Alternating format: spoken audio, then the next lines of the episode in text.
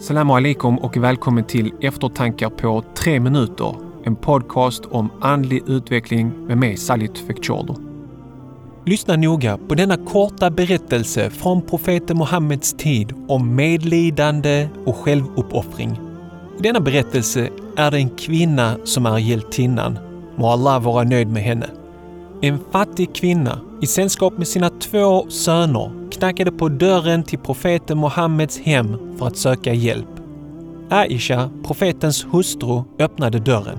Den fattiga kvinnan bad om något för att äta, för att mätta hungern.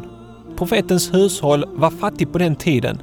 Muslimerna led stora prövningar och Aisha hittade endast tre dadlar i sitt hem och gav dessa till kvinnan Kvinnan gav sina två söner var sin dadel och behöll den tredje och sista åt sig själv. Pojkarna åt snabbt upp sina dadlar och tittade sedan på sin mor. De var fortfarande hungriga. Kvinnan tog sin dadel och utan att tveka delade hon den i två delar och gav var son en halva. Själv blev hon utan något.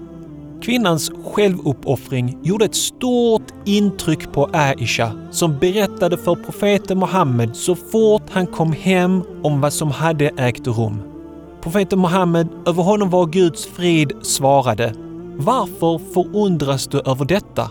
Allah har givit henne nåd på grund av det medlidande som hon visade sina söner. Fantastisk berättelse, eller hur? Och vilken stark kvinna med så stort och vackert hjärta.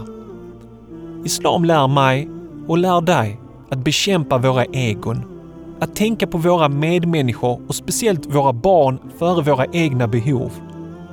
Det är inte så enkelt gjort i ett samhälle som ständigt talar om att du ska tänka på dig själv först och leva ut dina drömmar.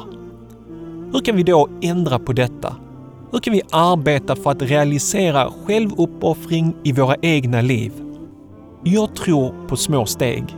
Många bäckar små gör en stor å. Din uppgift idag är att göra en god handling mot någon annan. Det kan vara någon i din familj, det kan vara en vän eller en främling. Må alla räkna det som en god handling för dig. Tack för att du har lyssnat. Om du har tyckt om dagens avsnitt Dela den då gärna vidare med dina vänner på social media. För mer matnyttig kunskap för själen, var god och besök eftertankar.se.